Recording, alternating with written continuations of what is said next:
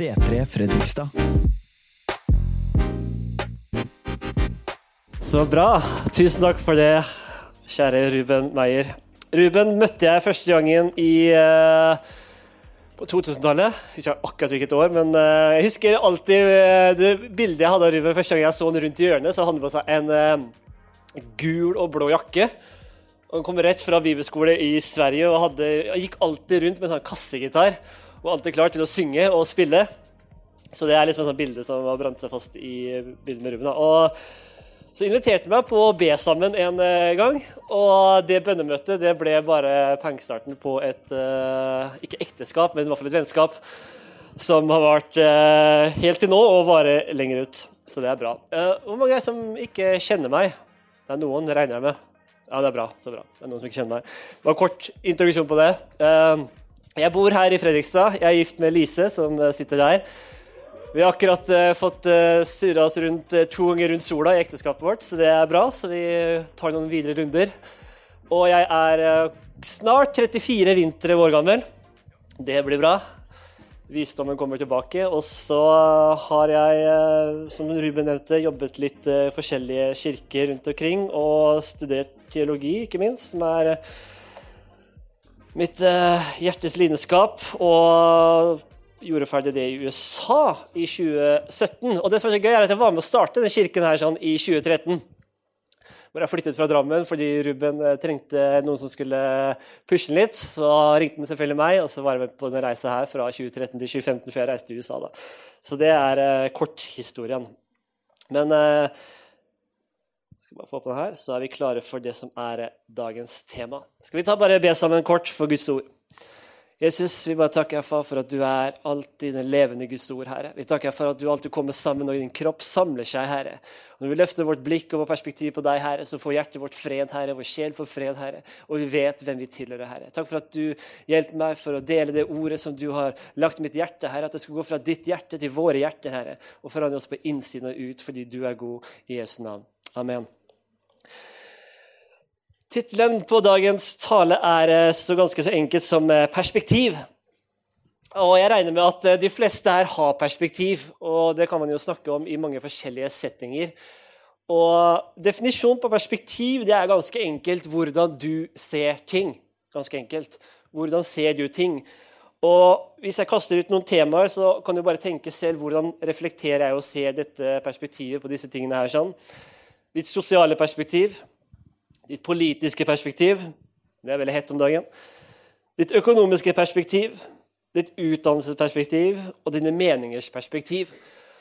Alt det her som handler om fra det ståsted hvor du står i livet. Og det jeg har funnet ut av, det er at eh, det er veldig fint å ha et ståsted, og vi trenger å ha et ståsted. Men vi må være alle tydelige på at det ståstedet vi har, at det er veldig forankra og et sunt og godt ståsted. Er du enig i det?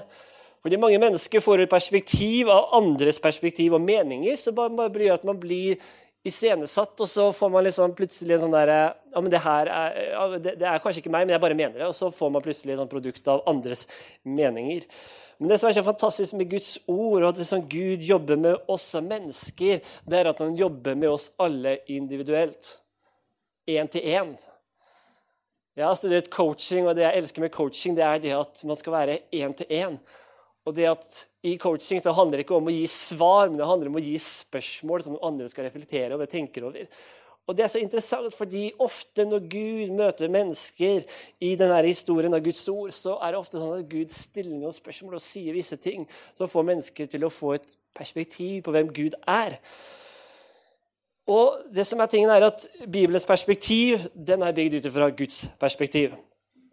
Og Vi tolker jo Bibelen gjennom våre briller. Alle tar på sånn briller her, f.eks. Du og jeg vi har på oss noen briller på en eller annen måte som vi tar på oss for å få fokus. Mine briller er for å rette opp skjeve hornhinner og så gjøre at jeg får ting litt i fokus. og jeg ser ting. Men siden disse brillene her er menneskelige og tilhører denne verden, her, sånn, så må jeg gjøre én ting så å si daglig med brillene, og det er å rense dem.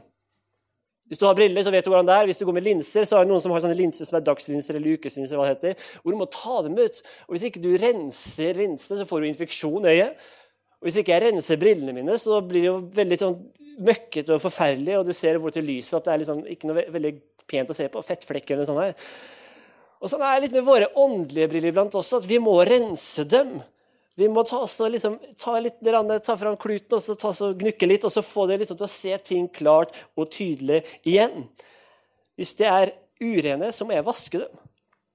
Og Det som er så farlig i våre liv, det er at det finnes en stor fare i vårt kristne liv at vi gjør alle perspektivene våre og det vi ser på det kristne livet, og sånn, på at vi har en overvekt av det jeg kaller for sånn erfaringsbasert teologi. Og det kan fort bli feil. Det kan også være rett, men det kan også veldig bli fort feil. Fordi jeg har vært borti mennesker, og det har du også. Hvis ikke du har, så kommer du garantert til å være borti mennesker som har det som heter erfaringsteologi. Og et eksempel på det, det er sånn at hvis du presenterer hvis, kanskje en case eller hva som helst, og så kan motparten si at 'jeg har ikke opplevd det på den måten', så det er ikke sånn det er. Det kan være fra deg til en annen, eller det kan også være fra deg til en annen person. At du er uenig fordi du har selv en erfaringsteologi. Og Erfaringsteologi det kan også være sunt og godt, også, men problemet igjen, hvis det ikke er fundamentert på den rette måten, så kan det bli veldig feil. Og Det som er veldig farlig i våre liv, det er det at vi må aldri gjøre ting så veldig skråsikkert.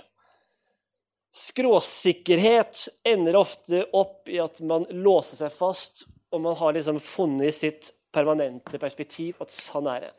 Men det som er så fantastisk, det er at det går an å forandre perspektivet sitt. Ta det rommet her, eksempel. Fra der du sitter akkurat nå, så har du et perspektiv. Jeg har et annet perspektiv. Jeg kan så si se nesten alle sammen på litt overblikk. på en måte sånn. Men hvis du kommer opp og stiller deg ved siden av meg, så får du et helt annet perspektiv med en gang. Og Det er det som er så fantastisk også med Guds ord og med det kristne livet, er at Gud flytter oss gjennom livet så vi får ulike perspektiver.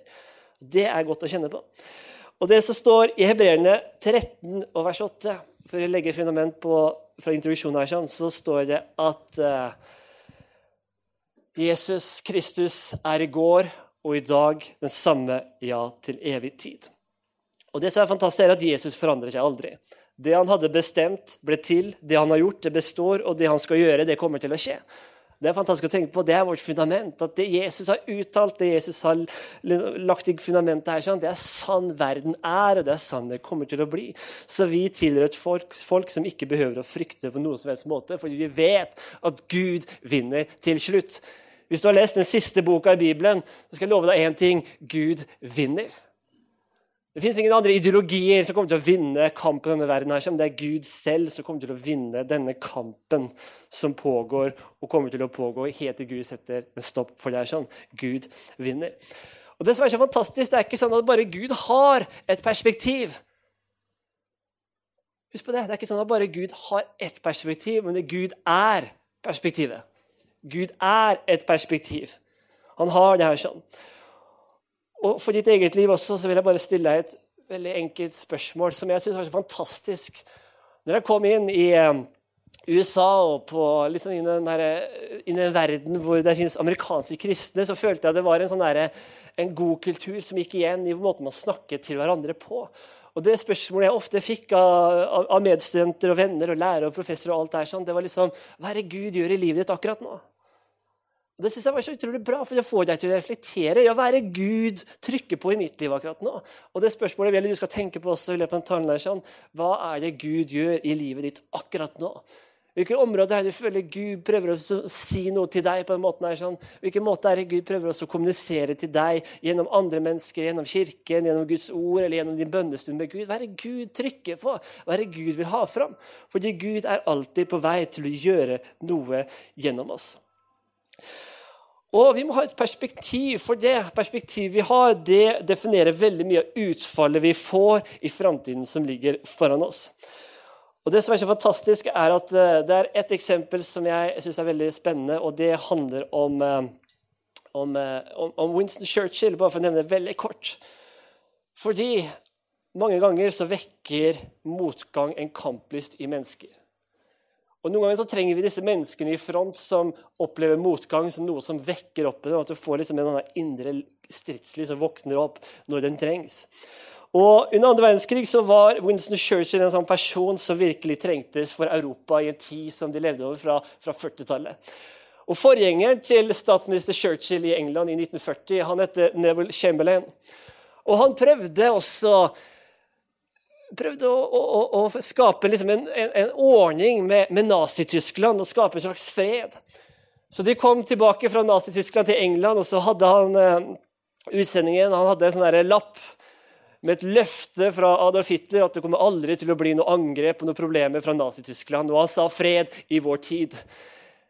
Hvis du vet historien, så vet du at det var ikke tilfellet i det hele tatt. Det var bare en blank løgn, og så begynte andre verdenskrig å sette seg ut i fokus. her sånn. Og Da var Churchill statsminister. Og Han sa en ting, han sa at vi skal forsvare vår øy, koste hva det koste vil. Og Det som er så fantastisk er at I det engelske underhusets møtesal den 4. juni 1940 så talte Churchill til Storbritannia.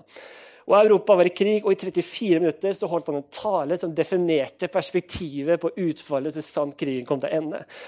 Og Et lite sitat fra talen hans var det her, at vi skal kjempe på strendene, vi skal kjempe på flyplassene, vi skal kjempe på jorder, og vi skal kjempe i gater, vi skal kjempe i åsene, og vi overgir oss aldri. sånn. Det var perspektivet han ga til det britiske folket. Og vi skal være veldig glad for at vi hadde en person som det på sin tid, som sto imot ondskap og sto imot, og til sist så vant de allierte krigen. Så perspektiv er veldig viktig. Ikke bare perspektiv du kommer til å få, men det perspektivet du har mot det som kommer mot deg i livet. Det er en rekke bibelske personer som fikk et nytt perspektiv når omstendighetene forandret seg. Moses, for eksempel, han fikk et nytt perspektiv når han møtte Gud i den brennende busken når han var ute og gjetet sauene. Daniel, Sedrak og Abenego fikk et nytt perspektiv da de ble kastet i ildovnene fordi de nektet å bøye seg for denne avguden som kongen hadde skapt. Og når de ble kastet i denne ildovnen, så sto de som hadde kastet tre personer inn i ildovnen, sto på utsiden og plutselig så fire mennesker som sto der inne. Fordi Jesus var med dem. Det var en fjerde person i denne ildovnen. Daniel, som ble kastet i løvehulen, han fikk et helt nytt perspektiv når han ble kastet ned. Han ble kastet ned for å bli spist opp og revet opp av løvene. Men hva er det som skjer der Gud tar kontroll av løvene, så løvene bare tok hånd om Daniel? Det forandrer perspektivet ditt på hvem Gud er. Josva, som var en som etterfulgte Moses etter at de hadde gått i ørkenen i 40 år, og når Moses var død, så fikk han et spennende perspektiv. Og Det er det her jeg vil bare legge litt på nå, som vi skal gå gjennom for å forstå at ditt perspektiv for framtiden kan forandre veldig mange mennesker i den verden. I andre Mosebok, kapittel 33, så får vi et lite sånn snev av et definerende øyeblikk, som jeg kaller det, for Josva. Og I vers 11 så forteller det oss at Moses, som hadde et telt hvor han møtte Gud, han hadde et møtetelt med Gud. Så når Moses gikk derfra, så ville Josua bare være i, i, alene igjen i teltet. Sånn. Han forlot ikke teltet, for han følte at det teltet sånn, det var en veldig spennende og spesiell plass. Og det tror jeg du hadde syntes òg, hvis du visste at det var et telt satt opp på jordet utenfor Fredrikstad, og i det teltet så var Gud selv til stede. Og Det var det Josua kjente. Jeg må være i Guds nærvær. Jeg må være i Guds nærvær. Og det han fikk i det teltet der, sånn, det var et perspektiv på hvem Gud er, og hva Gud kan gjøre. Og I 2. Mosebok 33, vers 11 så står det at Herren talte til Moses ansikt til ansikt, som en mann snakker med sin venn.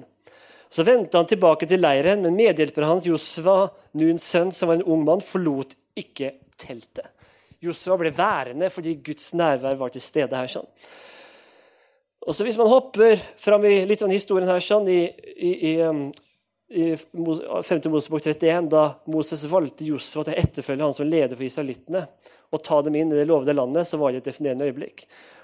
Og det står i Josva 1, vers 1-3, da står det ganske enkelt at etter Moses, Herrens tjener, var død, skjedde det at Herren talte til Josva, Nuns sønn. Og Moses medhjelper og sa, min tjener Moses er død, og Derfor skal du bryte opp og gå over denne Jordanelven. Og du og hele dette folket, altså disse fire millioner menneskene som vandret sammen med Moses i ørkenen, talen til Hersan, hele dette folket til det landet som jeg gir dem, Israels barn. Israel lå på andre siden av elven, og nå sa Gud til Josva, du er den som skal lede dem over denne Jordanelven og du skal gå inn i det lovede landet. Og hvert sted dere setter foten på, gir jeg dere, sier Gud, slik jeg sa til Moses. Og Det her er interessant, fordi når Josva kom til Jordanelven på nytt, så var det enda et definerende øyeblikk for Josva, men ikke bare for han som person, men det var et definerende øyeblikk for hele folket som fulgte med han. Fire millioner hebraiske menn og kvinner med barn sto bak en, og det var bare en liten overgang fra en elv ut fra 40 år i villmarken og plutselig gå inn i det landet som Gud hadde lovt dem. Og det som skjer er at Rett før de går over denne elven, her, sånn, så må de få et rett perspektiv på sakene for framtiden sin. Og De må ta et valg om å følge Gud og krysse den oversvømte elven eller bli stående. Og det som er så interessant er at Når selv Moses ledet disse her folket i 40 år, så kan du lese i Guds ord at ting går ikke alltid etter planen. Ting skjer. Ting skjer i ditt liv, ting skjer i mitt liv. Det er ikke alltid ting liksom er som en sånn glidende åndelig bananskall, at du bare flyr igjen med livet, og alt er perfekt. Men ting skjer. Vet ikke om du har lagt merke til det? Ting har skjedd i verden det året her. sånn. Ting skjer. Og det som er viktig, er at vi må få et perspektiv. Og når du møter motgang og problemer, så er det en veldig viktig ting som du kan ha i bakhodet hver gang det skjer ting. Og det er hvordan ser Gud på denne saken her? Hvilken synspunkt er det Gud har i det som kommer inn i vår verden eller inn i vårt liv akkurat nå? Og den hendelsen som skulle definere dette folket som sto foran elven Om de var et folk av Gud, et folk som trodde, eller om de var et folk som gikk sine egne veier. De måtte ta et valg. Og Det som er interessant, er at Josva gjorde det samme som Moses. Han fikk dette vannet i Jordanelven til å dele seg. Og da folket gikk inn i det lovede landet, så hadde de et def nytt definerende øyeblikk. Fordi elven det var ikke det største problemet. For Gud kan bare, som vi hørte i sangen der, der der ikke fins noen vei, der skaper Gud en vei. Det er fantastisk. det er sånn Gud er. Når vi ikke ser muligheter, når vi ikke ser utfallet av liksom, saker og ting, så kan Gud plutselig, ut av ingen sted, så kan Gud tale ut av ingenting, inn i eksistens, inn i ditt liv, så det blir plutselig en vei. Det er fantastisk. Muligheter, mirakler, helbredelse, uansett hva du trenger. Gud kan skape ting ut av sitt ord, ut av ingenting, som treffer inn i din verden. Og Det her skjer når disse folkene går inn og over denne tørre elven. Så må de ta et nytt valg en gang til. Og det er at de står utenfor en by som mange kjenner til, som heter Jeriko. Og den byen det var en ganske umulig oppgave for å få beskjed om å ta denne byen. Og Det var den første byen som de erobret. Og Menneskene som okkuperte Jeriko, var sterke og veldig godt beskyttet. Og det var egentlig langt utenfor deres evne til å trenge gjennom murene gjennom denne byen. her sånn. Allikevel så lydde dette folket Gud, og de hadde et definerende øyeblikk da de lot Gud vinne slaget om Jeriko. Tenkte det. Gud er med i krigen også. Og så kommer det enda et øyeblikk som måtte velges ut fra definisjon på hvem de var. Fordi de kom til å få en ny by med et nytt nederlag, faktisk. Det var en kamp de ikke vant. Og den byen heter Ai. AI. Byen Ai. Og da kommer en definisjon som måtte få et perspektiv på dem en gang til. For hvordan reagerer du og jeg når vi blir beseiret? Når vi ikke får de seirene som vi ønsker? For De tok et dårlig valg og prøvde å beseire byen, men de var avhengig av egne ressurser og istedenfor å stole på Gud. Fordi etter hvert når man går lenge nok med Gud, og Gud hjelper langs veien, så er det veldig fort gjort at du og jeg blir litt høye på oss selv. Ja, men det her kan jeg, det her skjønner jeg, det her har jeg vært med på før. Og så bare stoler man på egne evner, og så stopper man plutselig å ta med Gud inn i det store regnestykket som vi må igjennom. Og Det er kjempeviktig at du ikke tar ut Gud av de regnestykkene hvordan du regner ut hvordan livet ditt blir. Og det var det de gjorde. Plutselig så blir man så selvsikker man blir liksom, litt, sånn, sånn cocky på seg selv og tenker ja, men det her fikser vi. Jeg har vært igjen det her før. liksom Bring it on. Og så feiler det. Hvorfor er det sånn? Jo, fordi noen ganger så fjerner Gud det i livene våre som vi stoler på. For at ting skal skake litt, så vi kan komme tilbake til den plassen hvor vi faktisk stoler på Gud. Hele tida er Gud interessert i å ha et tillitsforhold inn i ditt liv. Men det som er så fantastisk, er at de gikk tilbake til Gud. De vendte tilbake etter nederlaget, så tok hele folket og gikk tilbake til Gud. Og de omvendte seg, og det at de vendte tilbake, det var det som definerte deres framtid enda en gang. Fordi Gud gir alltid nye muligheter. Og Hvordan vi reagerer, kan få oss til å erobre eller feige ut ut fra perspektivet vårt. Fordi det finnes så mange avgjørende og viktige øyeblikk. I Josva kapittel 24, etter alle disse kampene om å ta det landet som Gud hadde lovt dem, så står nasjonen enda overfor et viktig øyeblikk enda en gang. Og Josva han kaller sammen hele folket, og han utfordrer hele israelsfolket til å ta et valg om hvem det skal tjene. Og Nå skal vi lese fra Josva 24, vers 14-15. og Bare hør på disse ordene som Josva taler, hvor han utfordrer hele folket om å velge hvem tjener dere for framtiden. Og Det står for derfor skal dere nå frykte Herren, tjene ham helhjertet og i sannhet, og ta avstand fra de gudene som fedrene deres tjente på den andre siden av elven og i Egypt. Den andre siden av elven det har vært et skille. De har krysset over denne elven, og det satte et skille på det som har vært, og det som nå kommer. Og Det er fantastisk, for Gud kommer inn i livet vårt og så setter han et skille. Det fins et liv. Vi regner jo verdenshistorien. Vi er i år 2020 etter Kristus. Når man har tatt imot Jesus, så begynner det en ny tidsregning i livet ditt. Det var før og etter du møtte Jesus. Ting forandrer seg. Tjen Herren. Hvis det som er ondt i deres øyne hvis det er ondt i deres øyne å tjene Herren, så velg i dag hvem dere vil tjene. Det var ganske rake pucker her fra Josva. Enten gudene som dere seder tjente på den andre siden av elven, eller amorittenes guder i landet som dere bor.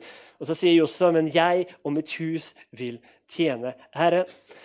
Ut fra det øyeblikket her så måtte hele nasjonen ta en beslutning som vil definere dem, og hva som skal være perspektivet for framtiden. Skal det være et folk som tjener Gud, eller skal det være et folk som tjener seg selv?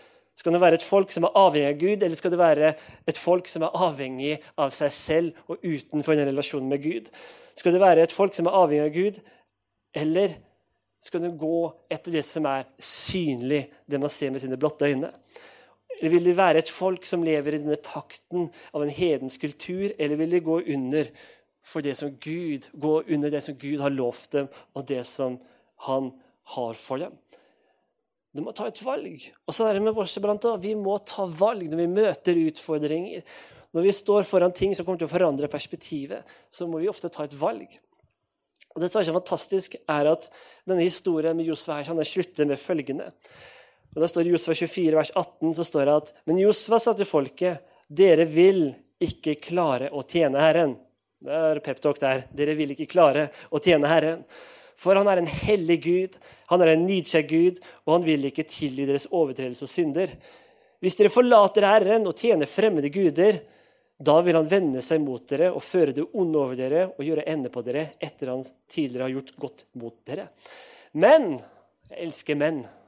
Jeg elsker når det kommer et men inn i historien, for det betyr at noe skjer. Men folket sa til Josfa, nei, Herren vil vi tjene. Så sa Josfa til folket, dere er selv vitner mot dere selv på at dere har valgt Herren for å tjene Han. Og de sa, ja, vi er vitner. Derfor sa han, nå skal dere nå få bort fra deres fremmede guder som er blant dere, og dere skal vende deres hjerte til Herren, Israels Gud. Og folket sa til Josva, Herren vår Gud vil vi tjene, og hans røst vil vi lyde. Den dagen sluttet Josva en pakt med folket, og han satte lov og rett foran dem i Sikhem. Så skrev Josva disse ordene i Guds lovbok, og han tok en stor stein, og han reiste den opp under eiken som sto ved Herrens helligdom. Og Josva sa til hele folket, se, denne steinen skal være et vitne for oss, for dere har hørt alle de Herrens ord som han har talt til oss. Derfor skal den være et vitne for dere, så dere ikke fornekter deres Gud. Så lot Josua folket dra bort hver til sin egen arveeiendom. Det er fantastisk. Den valgte å følge Gud. Og Som et tegn på det så setter Josva opp et svært fundament og sier at det her, sånn, det her skal være tegnet Det skal minne dere på at Gud er den dere har valgt. På at Gud er den personen, ikke personen, men Gud er den guden dere har valgt å legge deres liv under. Og Det er kjempeviktig i våre liv iblant også. At når du tar noen visse valg i livet, så bygger du noen indre, ikke avgudsalter, men bygger noen minnesalter på den valget du har tatt med Gud som tar oss og liksom setter her som at vet du hva, det her er et fantastisk vitnesbyrd. Det her er et minne på det valget jeg har tatt med Gud. på den måten her sånn. Lave et eller annet sånne minnepunkter. og det er det Josfa gjorde her sånn. Han bygde sanne alter for at det skulle være et minne for hele folket og for de menneskene som ennå ikke har blitt født. Så når det kommer en bestefar med lille ungen sin, og ungen peker på alteret og spør hva er det her for noe, så kan han fortelle om det valget som de har gjort. At det var her vi valgte å følge Guds veier. Så du kan peke på ting i ditt liv. Når mennesker spør deg ja, men hva er det her for noe, jo, det skal jeg fortelle en historie om. Det er da jeg valgte å følge Guds vei for mitt liv. Det er da jeg valgte å følge den perspektivet som Gud ønsket å sette meg i, hvor jeg så ting på en annen måte, fordi jeg tok et aktivt valg inn i mitt liv. Og Det er kjempeviktig å ha noen små seiersteder i livet ditt hvor du jobber deg gjennom. Og hva er det vi jobber ut ifra? Det som er viktig å forstå her at vi lever ikke i Det gamle testamentet. Vi lever ikke under en pakt med Gud på den måten som jødene gjorde. Men vi lever under det som Bibelen omtaler som en ny pakt. Som Jesus kom med, som han kjøpte oss fri med sitt eget blod, med sitt eget liv. Så ble du og jeg kjøpt fri fra det som var synd og det som var fangenskap og slaveri. Så vi kunne bli barn av Gud og være frie. Det er fantastisk. Og så sier Bibelen hvordan er det vi skal forholde oss til Gud. Hvilket perspektiv skal du ha for å forholde deg til det som Gud er? For det er veldig lett. Og jeg er veldig glad i å tenke og I noen settinger så har jeg nesten blitt lært at, liksom, at det er nesten feil å tenke. Jeg mener ikke at det er feil å tenke, det er riktig å tenke. Men det som er viktig, er at du tar med deg hjertet ditt på den reisa. som du tar med tankene dine. For Det må være en synkronisert ting som skjer mellom hodet og hjertet ditt. For det er i hjertet du tror. Det er i hjertet Bibelen sier at du tar imot Jesus som din frelser. Det er i hjertet du bekjenner. Du bekjenner med munnen, men du tror i hjertet ditt. Og Bibelen er ekstremt opptatt av hvordan det går med hjertet ditt. Jeg vet ikke om du har lest det, men det står i Guds ord Framfor alt så bevar deres hjerte, sier Guds ord. Hvorfor det? Fordi det er i hjertet ting skjer. Det er i hjertet du blir såra. Hvis en person eller en hendelse gjør noe mot deg som du føler er urett, så skjer det noe med hjertet ditt. Og Bibelen kjempe, liksom, legger kjempemye vekt på at du må bevare hjertet ditt framfor alt. Hvorfor det? Fordi livet utgår fra det. Du må ha et perspektiv fra hjertet ditt at hjertet ditt er dyrebart. Ikke ta så del hjertet ditt med absolutt alle på første møte eller på første date. eller hva som helst. Ta vare på hjertet ditt. Og Hvis en menneske eller fiende får tak i hjertet ditt, så er du faktisk allerede brutt gjennom forsvaret i livet ditt. Pass på hjertet ditt. Og i hjertet så tror en til omvendelse, sier Guds ord.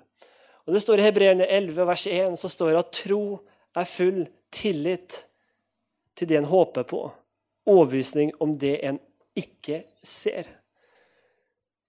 Så troen ser jo ikke med fysiske øyne. Og det som er tingen er at Jesus underviser veldig mye om det med å se. Og han sier at hjertet er livets øyne. Hjertet er liksom, det, er hvordan vi skjeller mellom ting. Vi filtrerer så mye gjennom våre hjerter. Og så sier Jesus at hvis øyet ditt er sykt, til Jesus, så blir hele kroppen sykt fordi alt du filtrerer av hele ditt perspektiv, det går gjennom noe som kan være sykt. En person som er blind, er det veldig vanskelig å forklare hvordan farger ser ut for. Vi kan være enige om det. Det er veldig vanskelig å forklare farger til noen som ikke ser. Og Noen ganger kan man være blind i sitt hjerte, så man ikke får det perspektivet som er rett å ha. Men det er nettopp det Jesus sa når han sa det at både fysisk så kom Jesus for å legge hendene på de syke og blindes øyne, så de skulle få se. Og like mye så kom han for å legge hendene, for vi var alle blinde en gang. Inntil Jesus la sine hender og tok og helbredet vårt indre øyne ut fra hjertet, så vi kan få perspektiv og se. Og når vi blir helbredet på innsiden, det er da vi forstår hva Hebreerne 11,1 sier, at med tro er full tillit til en håper på, overbevisning om det en ikke ser.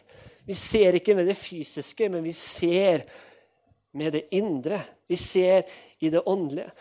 Og Det er det som er så fantastisk, er at troen ser lenger enn bare det vi ser fysisk. Hvis vi skulle bygd og holdt på våre kristne liv ut fra det perspektivet som vi bare har ut fra det vi ser, da hadde det blitt ganske miserabelt. Men det som er så fantastisk er at Gud jobber på et dypere nivå enn det vi forstår. Gud jobber på en helt annen måte enn det vi noen gang tenker å forstå. på en måte her sånn. Og Det er så interessant at det perspektivet du har, det forandrer hele retninga Gud kan sende livet ditt inn mot framtiden på.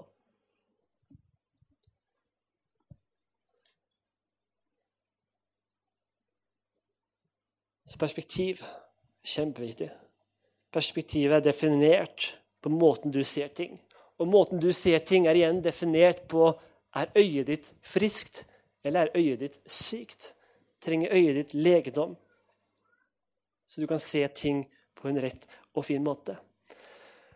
Og For å gjøre dette veldig tydelig, helt til slutt, så skal vi gå inn i en historie som skjer i Johannes kapittel 20. Det er en kjempespennende hendelse hvor apostelen Johannes han skriver ned denne hendelsen som skjer fra de første menneskene som opplever at Jesus ikke er lenger i graven. Og Det er tre mennesker som er med i denne scenen her, som du kan se det for deg. Er det noen som har vært i Jerusalem vært i graven og sett der. Sånn, som har vært der. Det er et fantastisk spennende sted. Det er jo et sted jeg mener graven til Jesus her. Jeg har vært der. og det, Hvis du har mulighet, så reis til Jerusalem en gang. Ta Se Jerusalem, se Getsemane-hagen. Gå og les om de stedene som Bibelen forteller om hvor Jesus gjorde sine mirakler og tjenester. Og Det fins et sted utenfor Jerusalem hvor det fins en, en, en, hage med en grav. Og Hvis du drar dit, så ser du et skilt hvor det står at uh, han er ikke her lenger, for han har stått opp. så klart. Jesus sto for det døde. Og det her skjer i Johannes kapittel 20. Så kommer denne beskrivelsen som Johannes forfatter her. sånn. Og Det er tre mennesker som er en del av denne historien. her. sånn. Det er Maria Magdalena, det er Peter, og så er det det som forfatteren selv har omtalt som den andre disippelen, som er han selv, som er Johannes. Og Det som er interessant, er at eh, Jesus hadde jo sagt veldig tydelig Men det jeg har funnet ut, det har kanskje du funnet også, men det er veldig interessant er at når Jesus først sier noe, når du får et ord fra Gud, når noen profeterer inn i livet ditt, så lager du fort veldig raskt bilder på hvordan ting kommer til å utarte seg på det som har blitt uttalt. Har du vært borti det? Du lager plutselig hele hendelsen inne i hodet ditt og tenker sånn og sånn og sånn, og sånn skal det skje. Og så har jeg lagt merke til at ofte når Gud gjør noe, så er det Ja, kjerna ligger her, men omstendighetene og måten Gud gjør det på, det forandrer seg totalt fra sånn man selv ser på det. Det handler om perspektivet at Gud ser mye større enn det du og jeg gjør. Tenk deg det. Gud ser din dag i dag. Han ser uka di som kommer. Han ser månedene som ligger foran deg. Han ser årene som ligger foran deg. I februar og mars, når liksom plutselig den vestlige verden begynte å bli veldig var på at det viruset her var kanskje litt annerledes enn hun trodde, så, ble ikke Gud liksom tatt av pinne av den skyld. Det var ikke sånn at Gud tenkte liksom, ja, men søren heller, det her så jeg ikke til at skulle skje, at kirkene måtte stenge. og alt det her. Sånn. Vet du hva, Gud så alt det her. Og Det han prøver å lære oss gjennom denne perioden, her, sånn, det er å gi et, et nytt perspektiv på hvordan relasjonen mellom himmelen kan være, med hvordan menigheten kan være, med hvordan kirken kan bygges. Gud prøver å gi oss et helt nytt perspektiv på å se framtiden. At vi går ikke bare tilbake til en gammel normal, men vi går mot en ny normal. Og det er Gud som kommer til å skrive den historien også. Det er ikke politikere, det er ikke virus, det er ikke sykdom som kommer til å skrive historien, men det er Gud selv som skriver historien som vi skal leve gjennom. Og I Johannes 20 her så kommer denne overskriften det står i Bibelen min. Det står 'Den tomme graven'. Det er jo fantastisk. Den tomme graven. Og så står det at På den første dag i uken kommer Maria Magdalena tidlig til graven mens det ennå er mørkt. Hun ser at steinen er tatt bort fra graven, og da løper hun bort til Simon Peter, til den andre disippelen som Jesus elsket, og sier til dem de har tatt Herren bort fra graven, og jeg vet ikke hvor de har lagt ham. Derfor gikk Peter ut mot graven sammen med den andre disippelen, og de løp sammen, men den andre disippelen løp fortere enn Peter, som kom først til graven. Altså Johannes skriver om seg selv at han løp fortere enn Peter. her. Altså. Da han kom, bøyde seg ned, så han inn og så linklærne ligge der, og likevel gikk han ikke inn. Simon Peter kom etter han og gikk inn i graven, og han ser linklærne ligge der. Og svetteduken som hadde vært rundt hodet hans, lå ikke sammen med linklærne, men var foldet igjen på et sted for seg selv. Og nå gikk den andre disippelen som hadde kommet først, også inn i graven, og han så og trodde. For hun forsto ennå ikke Skriftene at han måtte stå opp fra de døde, og da gikk disiplene tilbake til sine hjem. Den første personen som titter inn her, sånn, det er Johannes. Fra vers 5 så står det han bøyde seg inn, og han så linklærne ligge der. Likevel gikk han ikke inn. Det som er fantastisk å tenke på er at Bibelen ble ikke skrevet på norsk, den ble ikke skrevet på bokmål, den ble ikke skrevet på nynorsk, den ble ikke skrevet på svensk, den ble ikke skrevet på engelsk heller, men Bibelen blir skrevet på hebraisk, arameisk og gresk. Og Når man leser virkelig hvordan det her er. Jeg syns det er gøy, jeg er ikke veldig flink i gresk, men jeg prøver å lese det her og der. og eh, det, som er ting er at Du får plutselig en helt annen betydning når du ser hvordan det står på grunnspråket. Og Når det står at han bøyde seg ned og så, så står det på gresk at ordet 'se' fra andres perspektiv det er ganske enkelt ordet som heter 'blepo'. Og det betyr bare at du ser. Det du driver med mot meg nå, det er 'blepo'. Du ser. Du fysisk. Du ser. Han ser en grav, og det er det han ser. Du ser det du ser. Har du merket det? Du ser det du ser. Andre kan påpeke det du ikke ser. Jeg kan påpeke ting du ikke ser. Derfor er det så fantastisk å være samme menneske. Derfor Gud har skapt en kirke, derfor han har skapt en kropp. Fordi én person alene ser ikke alt. Men sammen så bygger Gud denne kroppen som ser ting. Og Det har blitt veldig tydelig med meg. Jeg vet ikke har lagt merke til at Kroppen ofte sender signaler iblant. Og Kroppen har ofte en veldig sånn enkel måte å kommunisere. Den kommuniserer bare på at det gjør vondt. Men når kroppen sier at det gjør vondt, så er det fordi kroppen ser noe som ikke du ser. Og når kroppen sender signaler, og det går over lengre tid, så er det ofte at den prøver å si til deg hei, det er noe du må ta og sjekke opp her. Jeg ser noe ikke du ser, og nå er det på tide at du ser det samme som meg. Smerte kommer ofte av tingene her. sånn. Og Det er det som skjedde med Johannes. Han så linklærne ligge der. Han så ble på, han så fysisk. Det var ikke noe menneske der, det var bare noen linklær som ligger igjen. Og Så kommer andre person, og det er Peter. Simon Peter kommer inn etter ham, og han gikk inn i graven. Og han ser linklærne ligge der. Han så. Når du leser ordet 'så' der, sånn, så står det 'teorei'.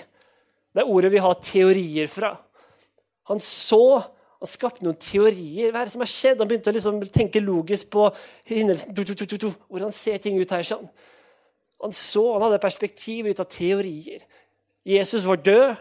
Vi kommer til grava. Grava er tom. Hva nå? Teorier. Kanskje man til og med i dag kunne lagt på ordet konspirasjonsteorier. Noen har tatt Jesus. det har til og med kommet også. Noen mente at Jesus ble tatt ut av graven og han dro til Frankrike. og alt det der sånn. Dan Brown, alt det her. Ja. Men hvordan man ser perspektiver. Men så kommer Johannes inn andre gang og titter en gang til. Og Nå gikk den andre disippelen inn, som hadde kommet først. Og så Han så inn i graven. Han så og trodde. Når du leser ordet 'så' der, sånn, så står det på gresk 'eidon'. Han begynner, å, han begynner å se klart og tydelig. Og ordet 'eidon' det betyr å tro og være sikker. Og Perspektivet hans var basert ut fra at han begynte å forstå alt det Jesus hadde lovt tidligere, at han kom til å stå fra de døde.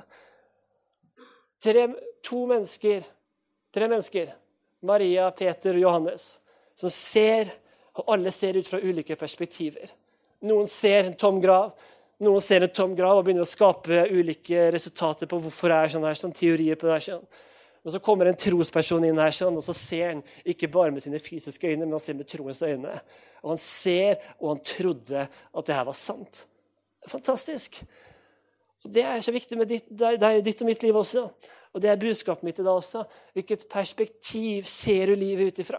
Ser du ut ifra dine enkle ble på ståsteder. Og Det kan være greit å ha det blant. Hvis du er på fotballkamp, så, så, så trenger du bare å se med den måten. Sånn, du ser det du ser.